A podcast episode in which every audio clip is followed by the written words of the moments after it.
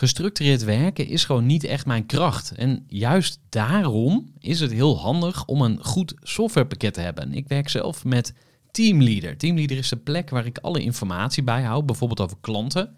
Waarin ik offertes maak en verstuur en die digitaal laat ondertekenen. Waarin ik facturen verstuur, waarin ik lijstjes bijhoud, waarin ik projecten kan managen, waarin ik standaard e-mails kan programmeren.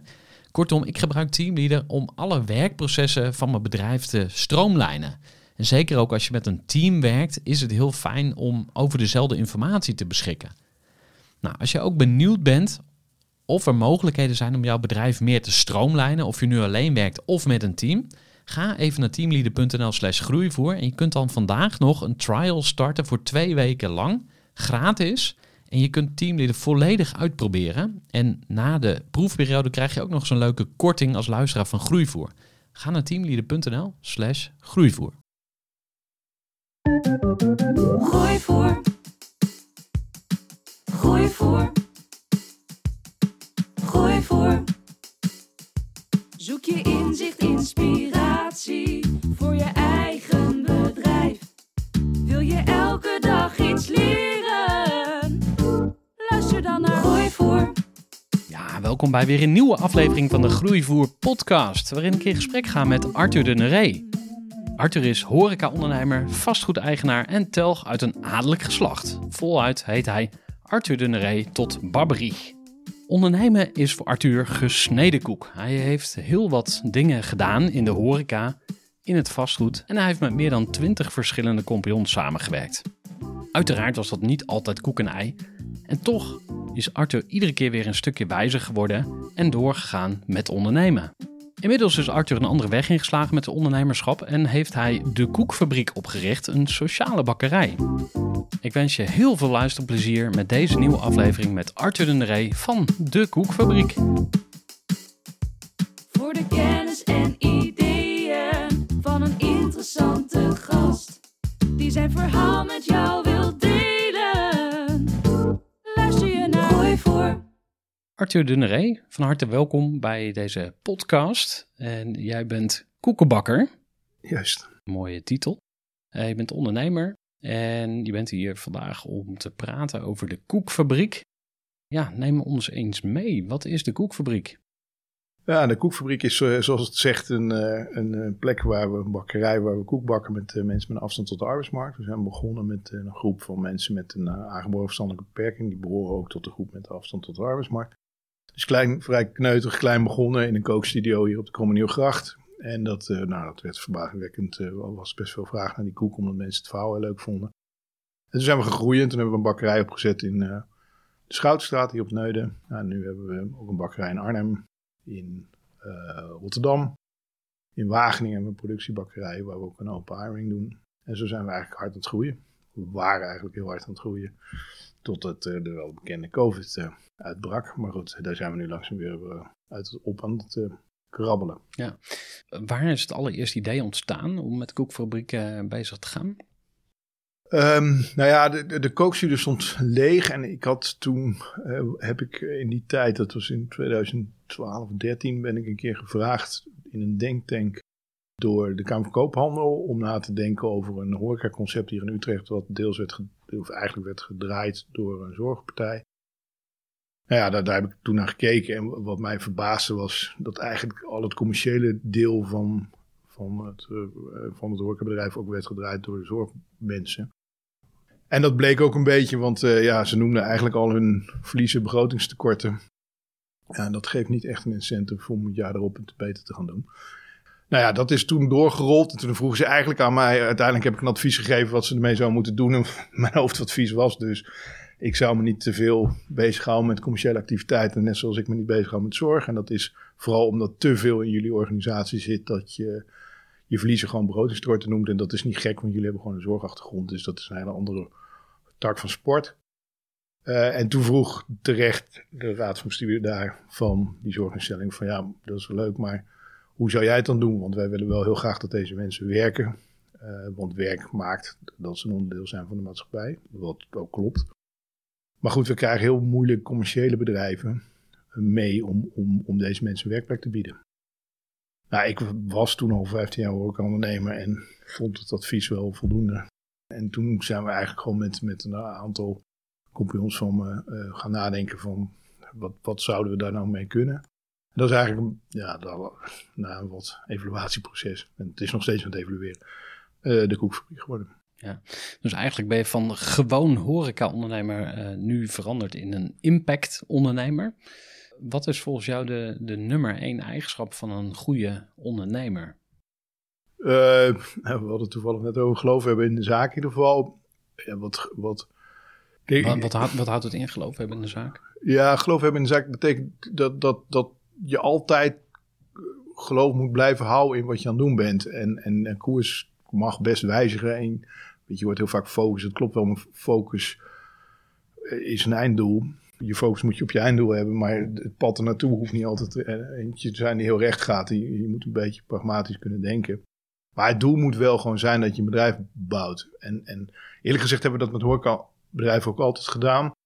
Ik geloof gewoon niet zo heel erg in dat je de eerste drijfveer is dat je er heel veel geld mee gaat verdienen.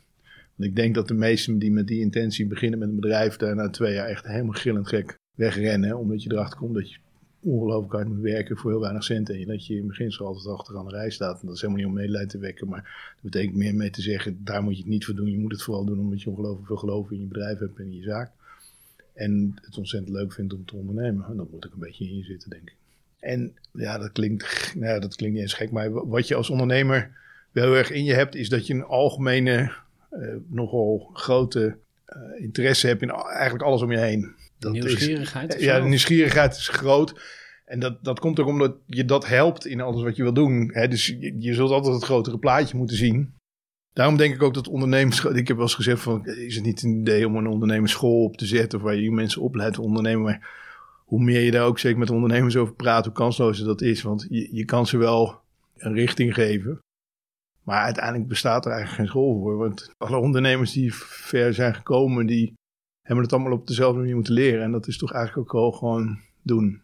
En redelijk hard op je plaat gaan af en toe. Dat, dat helpt beter dan als alles goed gaat. Ja, wat was eigenlijk voor jou een moment waarop je heel hard op je, op je plaat ging?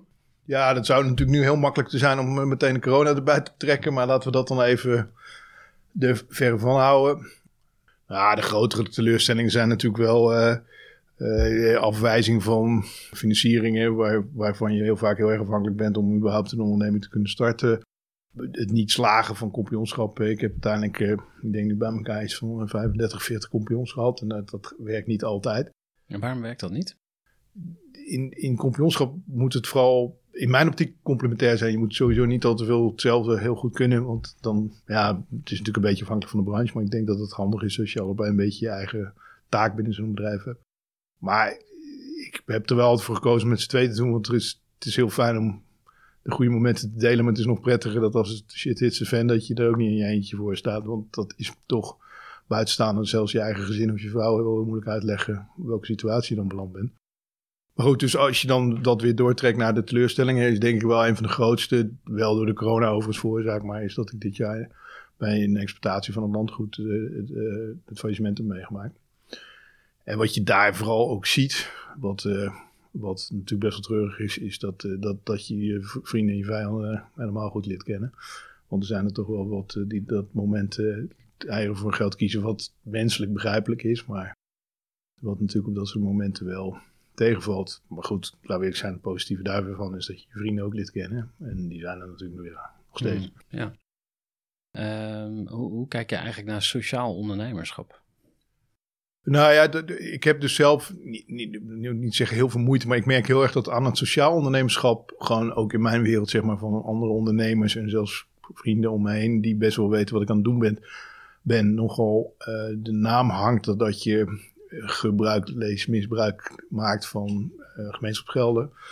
Ja, dus je plakt er een labeltje sociale onderneming op en dan trek je een subsidiepot leeg. Is dat, is dat een beetje het verwijt? Of, uh... Ja, maar dat, kijk, dat subsidie trekken, dat, dat, eh, althans, daar moet je geen misbruik van maken. Maar dat je dat gebruikt om een onderneming te laten draaien, dat, dat, dat zie ik niet als bezwaar. Dan mogen ze me ook rustig uh, voor mijn voeten werpen. Want van de 6 miljard subsidie per jaar in Nederland wordt er 4 miljard opgehaald door de corporates. Dus dat, dat, dat weet je, daar, daar is het voor bedoeld. Maar ik vind bijvoorbeeld zorggeld, wat bedoeld is om mensen te kunnen verzorgen, waar we in dit land nu toch best wel tegenaan lopen dat dat wel lastig is en dat er weinig budget voor is. Ja, dat wordt ook vaak gebruikt voor allerlei wanstaltige commerciële trajecten als bakkerijen, weet ik veel wat, omzetten om mensen maar aan het werk te, te krijgen. Ja, daar is het echt niet voor bedoeld. En hoe onderscheidt uh, zo'n traject zich van de koekfabriek, zeg maar? Waarin doen jullie dit dan anders? Nou, wij proberen echt dus die samenwerking te zoeken met zorgpartijen. Dus eigenlijk schoenmaker blijft blijf bij je lees. Dus wij hebben het hele commerciële uh, verantwoordelijkheid. Dus wij doen de marketing, we doen de sales, we doen het productieproces. En we betrekken daar mensen met een afstand tot de arbeidsmarkt bij. En als die mensen daar zorg voor nodig hebben, dus begeleiding zoals het heet. Dat is heel erg afhankelijk van, van de uh, hoe ze in het leven staan. Uh, dan is daar zorggeld voor in dit land gelukkig beschikbaar. En daar is dat, weet je, dat is ook een soort onrendabel gedeel. Wat vanuit een bedrijf bijna niet te betalen is om dat te doen. Dat kan bijvoorbeeld wel weer dat er een loonsubsidie is. En loonsubsidie is dat als iemand voor 80% functioneert, dan krijg je dus 20% gecompenseerd. Die subsidies kloppen en die moeten bij een ondernemer zijn. En de zorggelden, dus de begeleiding van, nou, in ons geval bijvoorbeeld de koekenbakkers, dat moet echt heel duidelijk bij de zorgpartij liggen. En die gelden moeten ook bij de zorgpartij terechtkomen. En dat klinkt allemaal heel logisch, maar dat is in ons land, dat, zo gaat het niet zeg maar. En dat komt omdat, wat ik helemaal aan het begin zei, er heel veel zorginstellingen het moeilijk vinden. Want die willen wel arbeidsmatige dagbesteding verlenen, zoals dat in zorg. Maar ja, die krijgen dus geen commerciële mee om dat te bewerkstelligen. Dus gaan ze zelf dit soort trajecten opzetten, nou, met alle gevolgen van dien. En dat is eigenlijk ook een beetje de boodschap achter de koekfabriek geworden. Het was eerst van, nou, laten wij gewoon zorgen dat we laten zien dat die samenwerking kan. Dat is het nog steeds. Maar gezien het feit dat die groep van men afstand tot de arbeidsmarkt, waar we uiteindelijk een doelstelling hebben om daar een deel van aan het werk te krijgen, 800 tot 900.000 mensen groot is in ons land, gaan wij dat niet voor elkaar krijgen, alleen met de koekfabriek, om die allemaal aan werk te krijgen. Dus zeggen we, laten we een voorbeeld geven aan alle MKB-bedrijven in Nederland. Dat ze in ieder geval minimaal één iemand met afstand tot de arbeidsmarkt een kans geven. En niet zozeer de corpus, maar vooral de MKB-bedrijven. Want dat is een dusdanig hoeveelheid bedrijven dat als in elk bedrijf waar 20 FTE'ers rondlopen, één iemand een kans krijgt met afstand tot de arbeidsmarkt. Dan hebben we een heel substantieel deel van het probleem wel opgelost. En wat je niet moet vergeten, wat eigenlijk het eerste idee was om uh, deze mensen onderdeel te laten zijn van de maatschappij. Kun je ze beter laten werken met een groep normale mensen, zeg maar, of die geen afstand tot de arbeidsmarkt hebben, dan in, weer in een groep zetten waar ze allemaal dezelfde beperking zeg maar, hebben. Want dan komen ze nog niet in de maatschappij. En als je natuurlijk koffie gaat drinken, ondanks dat je een arm mist bij een bedrijf, uh, en je doet gewoon verder al mee, dan word je ook uitgenodigd voor een verjaardag. En dan ben je onderdeel van de maatschappij, zeg maar. Ja, dus het grotere geheel, en dit klinkt allemaal als dingen op een hele simpele wijze verbinden, maar het gebeurt niet. Even een korte onderbreking met een belangrijke vraag aan jou. Want wat heb jij geregeld voor het geval je van de ene op de andere dag zou komen uit te vallen? Wat gebeurt er dan met je bedrijf, maar vooral wat gebeurt er met jou persoonlijk en ook in financieel opzicht? Samen met ASR voerde ik drie openhartige gesprekken over tegenslag en veerkracht. En dat deed ik met Saskia, Vincent en Pieter. Ondernemers met een bloeiend bedrijf die van de ene op de andere dag niet meer konden werken. En die verhalen hoor je in aflevering 256, 257 en 258 van deze podcast. Als ondernemer wil je natuurlijk niet uitvallen. En daarom is het belangrijk dat je veerkrachtig bent, want voorkomen is beter dan genezen. En als het dan toch misgaat, is het fijn dat je iets geregeld hebt, zodat je weer snel door kunt met ondernemen. Wil je weten hoe veerkrachtig jij nu bent? Vul dan in twee minuten de veerkrachttest van ASR in. Ga naar asr.nl/slash veerkrachttest ondernemers. Ja, opmerkelijk. En ja. waarom, gebeurt het niet? Ja, omdat ik wel ervaren heb sinds dat ik... Ik, ik ben natuurlijk best hardcore ondernemer. Want ik denk dat horeca-ondernemers best wel eh, ingewikkelde ondernemerschap eh, in zich hebben. Eh, dus eigenlijk normaal gesproken redelijk wars van... dat ik best wel afstand heb van impact sociaal ondernemerschap, als we dat dan nog zo even mhm. benoemen. Uh, daar waar ik dus nu zie dat als je daar toch wat meer voor openstelt daar best wel oplossingen voor te bedenken zijn. Maar dan moeten we wel met z'n allen uh, bereid zijn om daar aan mee te willen werken. En daarmee bedoel ik te zeggen dat weet je, de mensen uit de verschillende segmenten die met deze doelgroep te maken heeft, dus de mensen met een afstand tot de arbeidsmarkt, dat zijn gemeentes, provincie, uh, corporates, uh, banken, fondsen en gewoon ondernemers, ondernemingen. En die spreken allemaal wel Nederlands, maar als je met, elkaar, met ze, de, ze allemaal bij elkaar aan een tafel zit, dan lijkt het net of de een Portugees en de ander Frans spreekt. En ze je totaal niet verstaan. En ik denk dat ik dat ook wel in me had. Dus dan ga je aan tafel zitten om te kijken van kunnen we daar nou een oplossing voor bedenken. En dan vervolgens komt de gemeente uh, ambtenaar tegenover me zitten en die begint de baas over allemaal periodes, die, uh, periode, tijden die dat moeten gaan duren. En dan denk ik na vijf minuten laat maar. Maar goed, wat doe ik dan? Dan sta ik op van die tafel, loop weg en denk, nou, dit gaat hem niet worden. En dan gaat het dus ook niks worden. En dan ben ik natuurlijk deels zelf ook de voorzaker van. En als we dit soort problematiek willen oplossen, dan moeten we juist zorgen dat we wel met elkaar gaan praten. En daarvoor vind ik in Utrecht uh, een van de mooiste initiatieven die het heeft voortgebracht, is de stichting uh, Social Impact Factory. Waar eigenlijk van oorsprong dat we moeten proberen dus die, die smering, die olie te krijgen in die gesprekken tussen al die partijen. En niet weglopen van die tafel.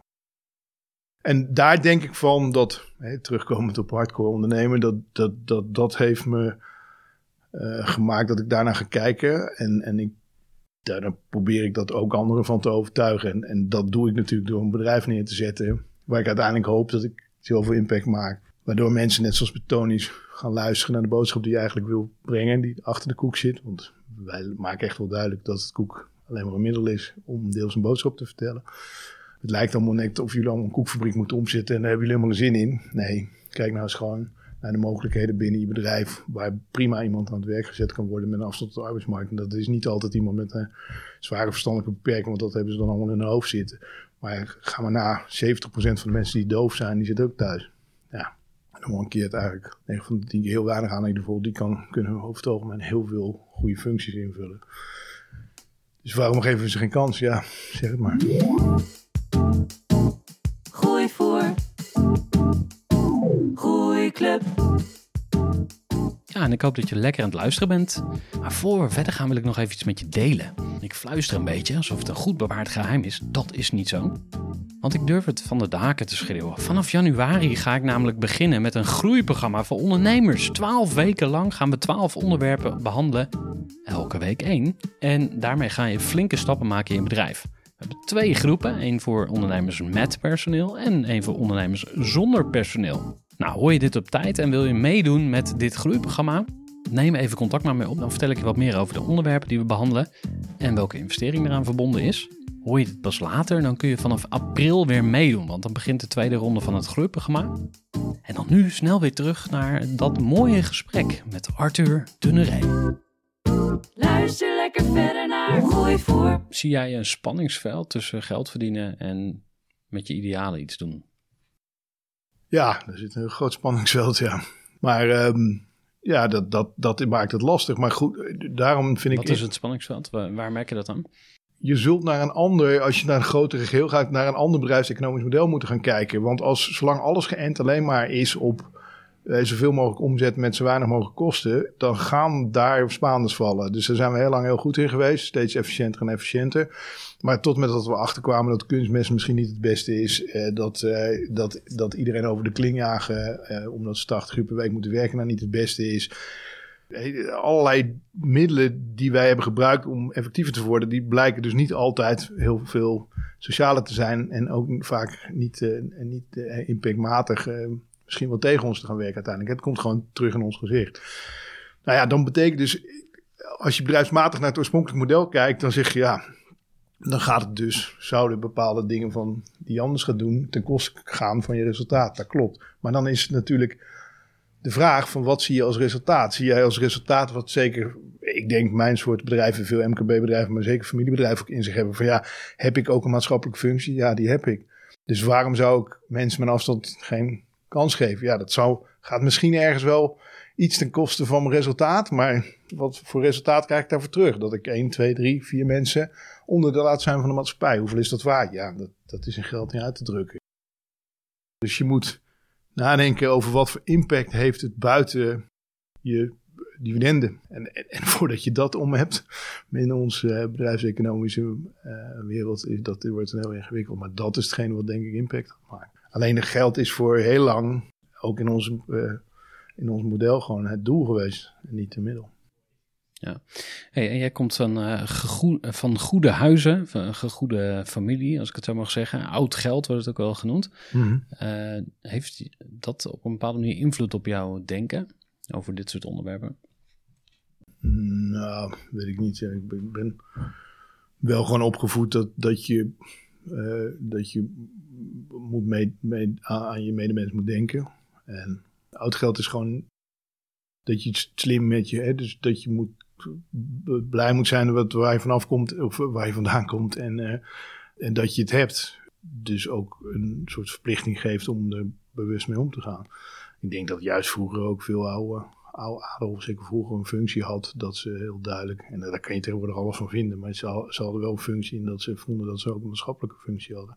En dat ze hun geld voor andere zaken moesten inzetten dan alleen maar thee drinken daar hoor ik lang niet meer toe, want uh, mijn vader heeft ook gewoon, uh, weet je, die, die oud geldfamilies, daar hoef je tegenwoordig allemaal geen medelijden meer te hebben, overgrote deel omdat ze natuurlijk door voor vererving gaat het eerst van 2 dan naar 8 en dan naar 20. En dan zit je met een landgroep in je maag die je een ton per jaar kost. Nou, dat, dat is geen sinecure, kan ik je verklappen.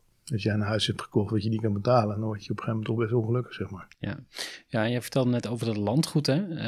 daar heb je nu een faillissement meegemaakt. Ja, dat was. Ik heb eh, in 2014 ben ik daar begonnen. In overleg met de gemeente was het was natuurlijk ja, landgoed waar mensen wonen en deels kantoor. En ik zei, nou ja, goed, als ik daar al een model kan maken, dan moet het toch iets horeca gerelateerd zijn. Dus dan zal ik toch een horecabestemming moeten hebben. Wat natuurlijk van oudsher op, op dit soort plekken, alle rijksmonumentale zaken zijn natuurlijk ongelooflijk beschermd. Wat terecht is, hè. Maar goed, het is overleg met de gemeente gegaan. Gemeente Zevenaar en deze, uh, hè, wat zijn de mogelijkheden? Ja, die waren natuurlijk dolblij, want dat ding zat al acht jaar. Uh, de vorige eigenaar was failliet gegaan en dat ding stond sindsdien leeg. Dus het langzaam zeker rennen natuurlijk af. En je weet op een gegeven moment zakt het in elkaar en dan gaat helemaal niemand zijn vingers ermee aan branden. Dus de gemeente in eerste instantie, Hosanna.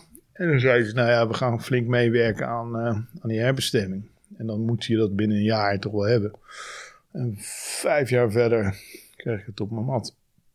Dat betekent dus dat je vijf jaar wel de boel hebt moeten onderhouden en betalen. En toen zag het dus november 2000, 4 november op mijn verjaardag. Uh, eh, 2019 kreeg ik de herbestemming op mijn uh, bord. En toen hadden we een mooie marketingcampagne ingezet, SEO goed gedaan, alles, B&B, restaurant. En liep het helemaal vol, 22. Ja, toen kwam deze ellende. Dus ja, dat was een nekslag eh, die we niet meer te boven kwamen. Wat, wat voelde u precies? Ja, dat, weet je, faillissement is natuurlijk wel echt iets, dat is een ondernemersdood zoals dat heet. Hè? Dus ja, ik heb toch altijd wel gezegd dat dat buiten staan, want ik heb het wel van mensen omheen meegemaakt en dan anderen wel uit duidelijk proberen te maken van je, realiseert je gewoon niet wat dat voor een ondernemer behelst. Zeker in een, eh, in een stad, eh, weet je, gaat dat weer wat sneller oké op en weer door. Maar in een dorp uh, heeft iedereen wel zijn mening daarover. Dus dat heeft natuurlijk wel invloed op je werknemers. Weet je, daar is gewoon mijn gemiddelde leeftijd van mijn werknemers dik uh, rond de 50. Hmm. Ja, die denken echt dat hun leven in elkaar stort. Want die dachten in deze tijd, waar komen we godsnaam nog aan de bak? En ze vonden natuurlijk dat ze best een leuke baan hadden op zo'n landgoed een beetje. Ja. ja.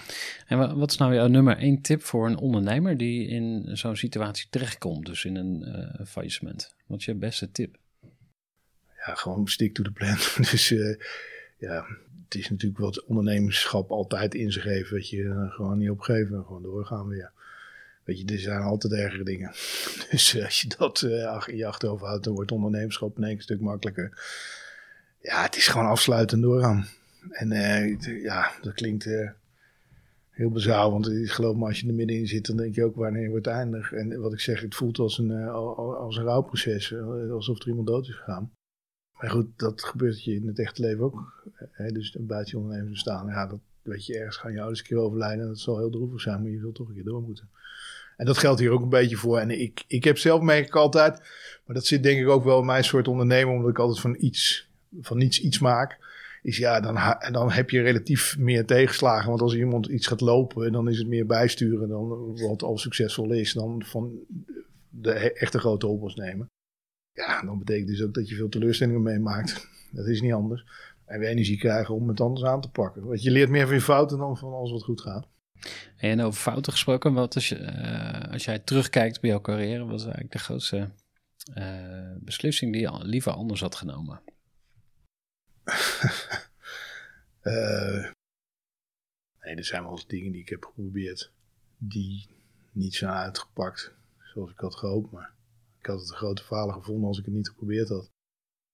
En er zijn niet zoveel dingen die ik niet geprobeerd heb.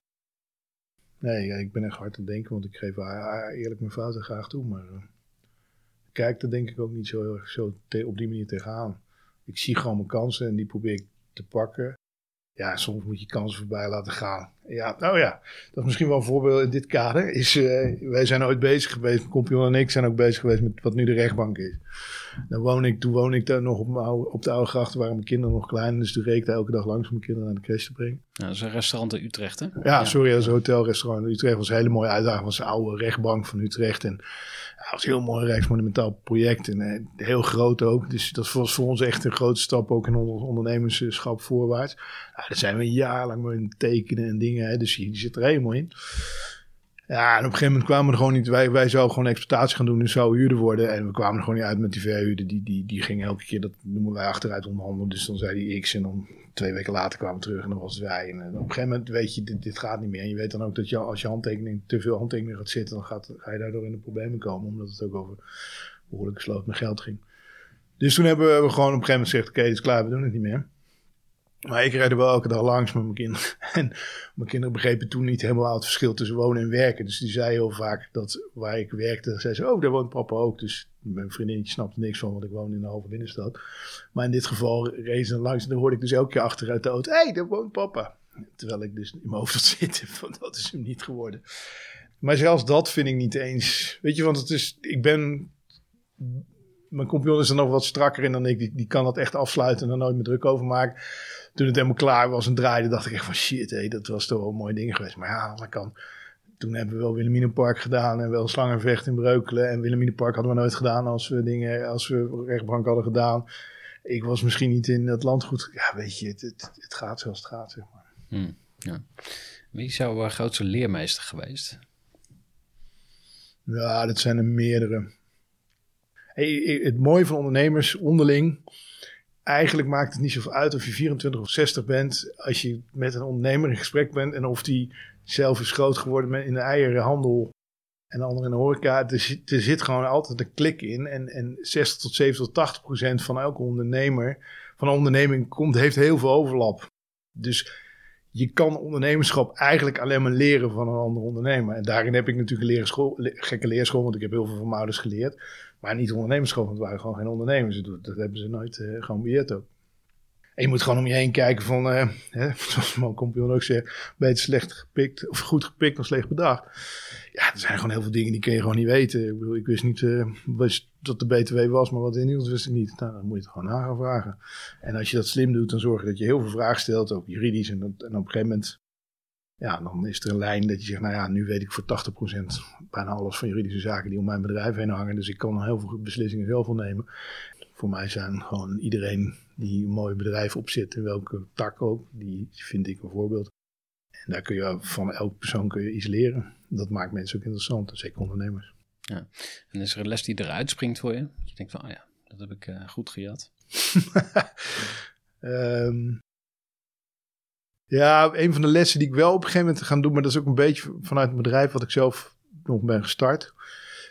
Maar wat ik vooral interessant vind, en daar luister ik natuurlijk nog meer naar en neem ik ook voorbeelden van, modellen die schaalbaar zijn. laten, we, laten we daar eens op inzoomen, op een model wat schaalbaar is. Wat, uh, wat zijn de kenmerken van zo'n model? Nou ja, in vergelijking bijvoorbeeld met de horeca. Kijk, horeca kun je dan nog conceptmatig denken. Maar ik geloof heel erg dat een horeca-concept heel erg afhankelijk is van de plek waar het gebouw staat, waar je het in gaat doen. De omgeving, de mensen. dus ja, natuurlijk, Loetje heeft aangetoond dat het anders kan. Maar goed, die zoeken ook wel naar een bepaald soort plek en een, bepaalde eh, wijk van een stad of uh, centrum. Ja, want dat is een, een biefstukrestaurant. Ja, biefstuk bij restaurant in Amsterdam. Ja, en die, die zitten nu landelijk, die hebben 30 ja. bedrijven. Maar goed, dus normaal gesproken is hey, een, een horecabedrijf heeft vier muren en een bepaalde potentie in hoeveel tafels je het kwijt kan. Dus altijd de max aan omzet die je kan behalen in, de basis als je alles goed doet. Uh, daar waar je, nou, noem maar wat, de koekfabriek, uh, daar heb je 600 miljoen euro gaat erin om in, in Nederland al aan koek, wat per jaar wordt verkocht, euro's. Ja, als je daar, onze ambitie is om daar 10% uiteindelijk van die markt te behalen met ons sociale koekje. Ja, als je dat haalt, dan heb je een bedrijf van 60 miljoen. Maar dan, is, dan heb je pas 10%. Hè, dus die, en dan zit je alleen in Nederland. Dus die grens ligt veel verder. Nou, ik heb een bedrijf ooit opgezet. Dat heet Le Credit, dat heet Le Credit Sportief. Dat heet nu 12. Dat zit in de Hoogwaard. En dat maakt kassas voor breedte sportverenigingen. Als Kampong en allemaal tennisverenigingen. Nou, daar hebben we 3000 verenigingen. En dat model was ook schaalbaar, vonden wij. Tot met dat bleek dat in Nederland, wij in Nederland de enige land zijn in de hele wereld die de sport zo heeft georganiseerd zoals wij het hebben georganiseerd. Dus met een sportveld en een kantine inderdaad. Want daar zijn we echt uniek in. Dat hadden we misschien iets eerder moeten onderzoeken. Dat zal ik nu ook zeker doen. Want toen liepen we dus vast. Dus die grens die was toch wel landelijk bepaald. Totdat we het systeem ook konden gaan wegzetten bij stadions. Eerst uh, NAC-stadion, toen Galgenwaard. En toen bleek in één keer dat het heel schaalbaar was. Want de FIFA ziet Nederland als een, het voorbeeld. Onze stadions het voorbeeld voor een, als jij in Qatar een, een WK wil organiseren, dan stuur je naar Nederland voor de hele infrastructuur. Om te kijken hoe dat is. Nou, daar zijn we nu een onderdeel van. En de hele wereld staat vol met stadions. Dus ja, dan heb je in één keer weer een schaalbaar ja. model.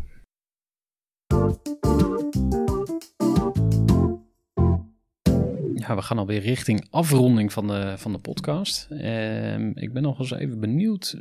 Als je één ding zou mogen meegeven aan de luisteraars, en dan vooral aan de ondernemers, wat, wat springt er voor jou uit? Kijk, als we allemaal proberen een klein beetje impact in ons bedrijf te krijgen, dan maken we een wezenlijk verschil. En je ziet gewoon, als, als Unilever doelstellingen heeft of, of, of Shell, daar kan je alles van vinden. Maar goed, je ziet hoe snel en hoe groot die slagen zijn. Nou, als jij als heel MKB Nederland, dat is nog veel groter, bepaalde keuzes maakt, simpel door kleine aanpassingen binnen je bedrijfsvoering, die niet meteen verlieslatend hoeven te zijn, maar misschien een beetje drukken op je resultaat, maar wat, wat zoveel eh, impact heeft, waarom doen we dat dan niet? Dus je hoeft niet allemaal sociaal of impact ondernemer te zijn, helemaal niet. Maar een klein stukje in elk bedrijf zou heel veel helpen. Want dat vind ik ook, weet je, iedereen mag nog wat ik zei, alles van vinden. Maar als Unilever bedenkt dat ze een bepaald pakketpaaltje ergens willen slaan, dan maken ze echt een wezenlijk verschil. Arthur Dunneré, dank voor je Ja, tot tot zover dit gesprek met Arthur Dunneré van de Koekfabriek. Vond je dit een waardevolle aflevering? Stuur deze dan gerust ook door aan mensen uit je netwerk. Post hem op je social media of laat even een beoordeling achter. Als je een iPhone hebt kun je dat gewoon met Apple Podcasts doen. Als je een beoordeling achterlaat, zullen we je als dank een groeipakket van groeivoer toesturen. Dankjewel voor het luisteren en graag tot een volgende keer. Gooi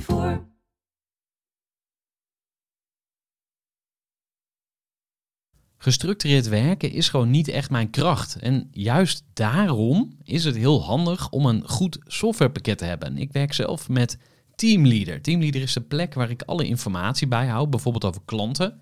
Waarin ik offertes maak en verstuur en die digitaal laat ondertekenen. Waarin ik facturen verstuur, waarin ik lijstjes bijhoud, waarin ik projecten kan managen, waarin ik standaard e-mails kan programmeren.